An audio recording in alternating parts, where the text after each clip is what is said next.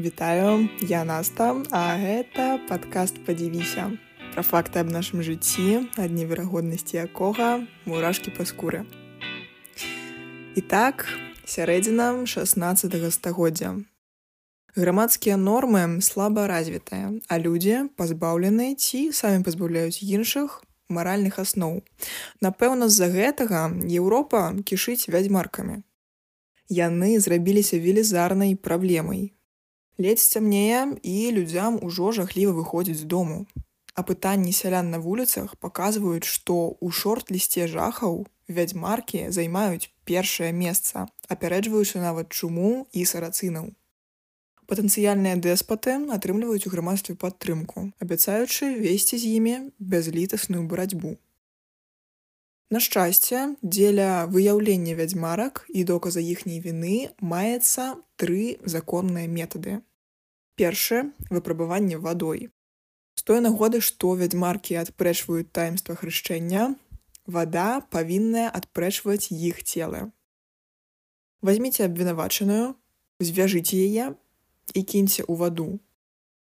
Калі яна пойдзе да дна ну то вядома у вядзьмарстве не вінаватыя цяпер хутка вылоўлівайце бязвінную панну. Другі выяўленне пячаткі д'яблу. Калі д'ябл выходзіць у цела чалавека, пераўтвараючы яго ў свайго прыслугача, у месцы ўваходжання застаецца метка, нечуллівая да болю. Таму трэба скалоць цела гіпатэтычнай вядзьмаркі ва ўсіх падазроных месцах. І калі нейкая з іх слаба рэагуе на боль, то вось яна пячатка д'яблам і вось яна павінная ў вядзьмарстве. Трэці іспыт іспыт слязьмі. Распавядзіце абвінавачаны пра ўскрыжаванне нашага Господу і тае, што не зальецца слязьмі, вядзьмарка. З дапамогай гэтых надзейных методаў адпаведныя органы спраўляліся з нашэсцем вядзьмарак, вылоўліваючы і караючы па заслугах тысячы нягодніц. У 1563 годзе галандскі лекар Яган Веер выпусціў працу, якая мела назву аб падманах дэманаў, заклікаючы рэфармаваць сістэму вядзьмарскай судовасці. Ён, безумоўна, прызнаваў згубнае існаванне вядзьмарак і патрэбу ў тым, каб караць іх з усёй суровай непахіснасцю згаджаючыся ў агульных рысах з мэтазгоднасцю выкарыстоўвання іспытаў падобных да зазначаных трох.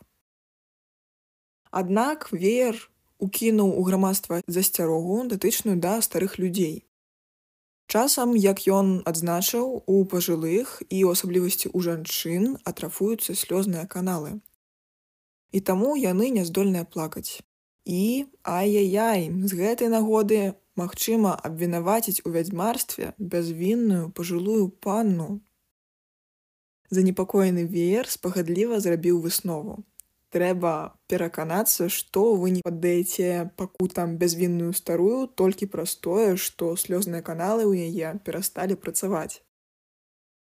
У гэтым-то і складаецца ліберальная рэформа сістэму судаводства ў датычэнні да вядзьмарак драбнюсенькі прамень розуму ў сістэме нерацыянальных устояў.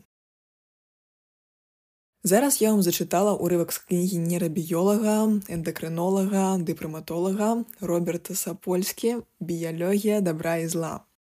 Акрамя серыі лекцый на Ютубе сваіх навукова-папулярных бестселлераў тыпу вось біялогіі дабра і зла, альбо гульню тэстастэрону, альбо занатовак прымату, і асаблівага тонкага гумору для шырокай грамадскасці сапольскі вядомы яшчэ і як чалавек які сцвярджае што свабоды волі не існуе. Урывак з якога пачаўся гэты выпуск я ўзяла з главы прысвечанай свабодзе волі і вынікаючаму велічэзнаму пытанню да сістэмы судаводства. Усёй існуючай на сёння сістэме судаводства калі для нас сённяшніх дзіка тое што людзі некалькі стагоддзяў таму лічылі за чыстую манету веручы і ў тое што робяць і ў легітымнасць той судовай сістэмы то мабыць сапраўды мае сэнс паразважаць і аб тым што для людзей будучыні наше сённяшняе судаводства, беручы ў прыклад нават Великабрытанію, будзе такім жа чымсьці дзікім. Вось нейкая сітуацыя. Чалавек б'ецца ў эпілептычным прыпадке, яго рукі кампульсіўна тузаюцца і ён раптам б'е побач стаячага чалавека. Калі выходзіць з таго, што мы цалкам кантралюем свае паводзіны, то гэты рух магчыма палічыць за намяровую абразу. Крыштальна ясна, што гэта бяссэнсіца. Аднак у Еўропе паўтысячыгоддзя таму менавіта так і лічылі. Для нас сёння такі пункт зроку выглядае як поўная недарэчнасць, бо заходняе чалавецтва ўжо некалькі стагоддзяў таму зазірнула за выварат сусвету, які да таго здаваўся непасцягальным. Пяройдучы гэтую мяжу мы прынялі вельмі важную рэч. Гэта не ён, гэта яго хвароба. Іншымі словамі, часам біялогія здольная перадужыць нешта падобнае да свабоды волі. Тая жанчына незнарок наступіла вам на нагу. Яна сляпая. А гэты салдат сышоў са свайго паста не таму, што ён не разумеў істотнасці сваіх абавязкаў, а таму, што ён дыябетык і яму тэрмінова быў патрэбны інсулін. Па падобнай схеме змяніліся і ўяўленні аб адказнасці за злачынствы ўва многіх галінах судовасці. Напрыклад, ад 200 до 700 год таму караць належала зланамярова нанёсшых шкоду чалавеку жывёлаў, рэчы і трупаў. У некаторых з тых судовых разбораў чуваць і галасы сучаснасці. Напрыклад, у 1457 годзе слухалася справа аб свінні з парасятамі, якія з'елі дзіцяці. Свінню прызналі вінаватай і пакаралі смерцю, а парасят памілавалі, палічыўшы іх яшчэ занадта юнымі і па той нагодзе няздольнымі несці адказнасць за свае ўчынкі. Ам невядома, ці ўзгадаў суддзя пры гэтым ступень сталасці іх хлопнай кары. І ідэя тут у тым, што, мабыць, гэтыя межы адказнасці чалавека за падзеі будуць працягваць зрушвацца. Спачатку мы больш не судзім свіней за тое, што і на свінне. Потым не судзім і эпілептыка за тое, за што ён не мае аніякай адказнасці. Потым мы зразумеем штосьці яшчэ і нашая мяжа асуджэння зрушыцца яшчэ крыху далей. Вось вам яшчэ некалькі прыкладаў ад цапольскі. У даследаванні вывучалі адносіны хрысціян да мусульман на прадмет варожасці ці наадварот яе адсутніцтва. Падчас эксперымента ціха грала музыка.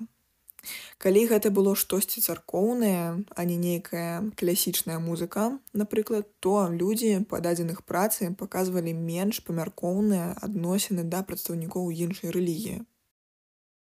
Вось наступнае даследаванне збярыце людзей у адной зале і апытайце на тэму іх палітычных перакананняў. Ці трэба забараняць аборты, дазваляць ей бракі і гэтак далей.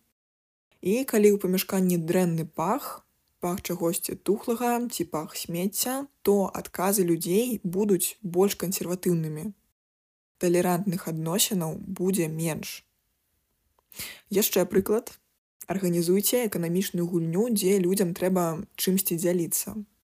Калі ў памяшканні, дзе адбываецца эксперымент, будзе водар шакаладнага печыва альбо свежага хлебу, гэта спраўджалі ў кантралюемых умовах, ёсць слоечкі з пахам печыва, хлеба і гэтак далей, усё, што хочаш магчыма так праверыць. Так вось даведаліся, што ад паха свежага хлебу ці паха печыва людзі робяцца больш шчодрымі.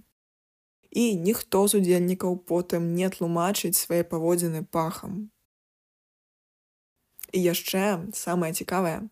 Узялі каля 5 тысяч судовых выракаў, прынятых непасрэдна на самім паседжанні. Рабілі гэта, каб зразумець, ад чаго залежыць ці адпусцяць зняволенага датэрмінова ці адправяць назад за краты адсіджваць поўны срок. І адзіны паказнік, які дапамог хоць штосьці прадказаць, гэта лічба таго, колькі часу прайшло з таго моманту, калі суддзя еў альбо ела. Калі вашу справу разглядаюць адразу пасля перапынку, вашыя шансы выйсці датэрмінова 60соткаў. Праз дзве гадзіны іх застаецца ўжо 0соткаў. Даследаванне пераправяралі як толькі магчыма. І амаль дакладна, калі запытаць суддзю абгрунтаваць тую ці іншую пастанову, з якой нагоды гэты чалавек ідзе на волю, а гэты яшчэ застаецца за кратамі, то вам працытуюць філізоўскія працы, якія чытаюць на першым курсе юрыдычнага. Пра ўзровень цукру ў крыві ніхто і не ўспомніць. Вось цяпер я адчуваю сабе пераканана ў свядомасці сваіх дзеянняў. Не ведаю, што наконт вас, але для мяне ўсё гэта з таго тыпу рэчаў, аб якіх аднойчы даведаўшыся, жыць па-ранейшаму ўжо немагчыма. Так вось, павяртаючыся з нябёс на зямлю, Нагадаю, што гэта ўсё зараз было прысвечана толькі адной главе з 17 кнігі. Так вас сапраўды чакае воз цікавосцей. Кніга гэта зусім нялёгкае чытво і, верагодна, зусім не на адзін тыдзень, але ж яна сапраўды таго вартая.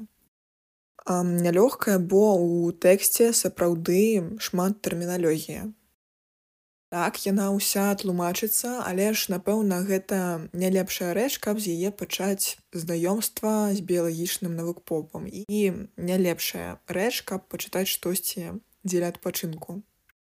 І тым не менш яна 100соткаў вартая быць прачытанай не зараз так праз 5 год.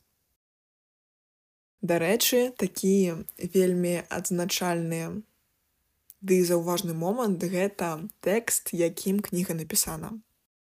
І сапольскі ў гэтым пляне ні з кім іншым не паблытаеш. Тое, як ён гаворыць, як ён тлумачыць яго тонкі часам нават іранічны, ды нават самы іранічны гумар, яно ўсё і надае кнізе такі неверагодны вайп. Гэты гумар быццам бы нейкая асобная лінія апавядання, якую каб заўважыць, трэба прыглядзецца, але ж, мабыць, у гэтым увесь сэнс. Ну і канешне, проста дзіва, з якой дарэчнасцю ў тэксце з'яўляюцца розныя факты, як скрупулёзны і поўны сапольскі разгортвае свае главы. Свабода волі гэта, безумоўна, незагарнутая тэма. І, безумоўна, пункт гледжання сапольскі на гэтую тэму на сённяшні дзень гучыць даволі радыкальна. Як і бывае з усімі радыкальныя мсцямі, яны не вельмі часта пераводзяць шмат людзей на свой бок. Але затое яны робяць пытанне заўважным і шмат каго заклікаюць да разважанняў. Таму спадзяюся, што праз гэты выпуск у мяне атрымалася зацікавіць вас і кнігай біялогія дабра і зла і тэмы свабоды волі ў прыватнасці. Яшчэ, дарэчы, 17 кастрычніка гэтага года выйшла ў продаж яшчэ адна кніга за-польскі. Яна прысвечана ўласнай свабодзе воля і мае назву рашуча, навука пра жыццё без свабоды воля. Я, на жаль, пакуль не паспела яе прачытаць, але ж, напэўна, калісьці абавязкова выйдзе пякс з гэтай кнігай у галоўнай ролі. На гэтым усё. Дзякую вам за праслух, пакідайце сваю зваротную сувязь дзеліцеся думкамі наконт выпуска і кнігі ў прыватнасці мне было вельмі цікава і прыемна пабачыць ваш фідбэк ну і пачуемся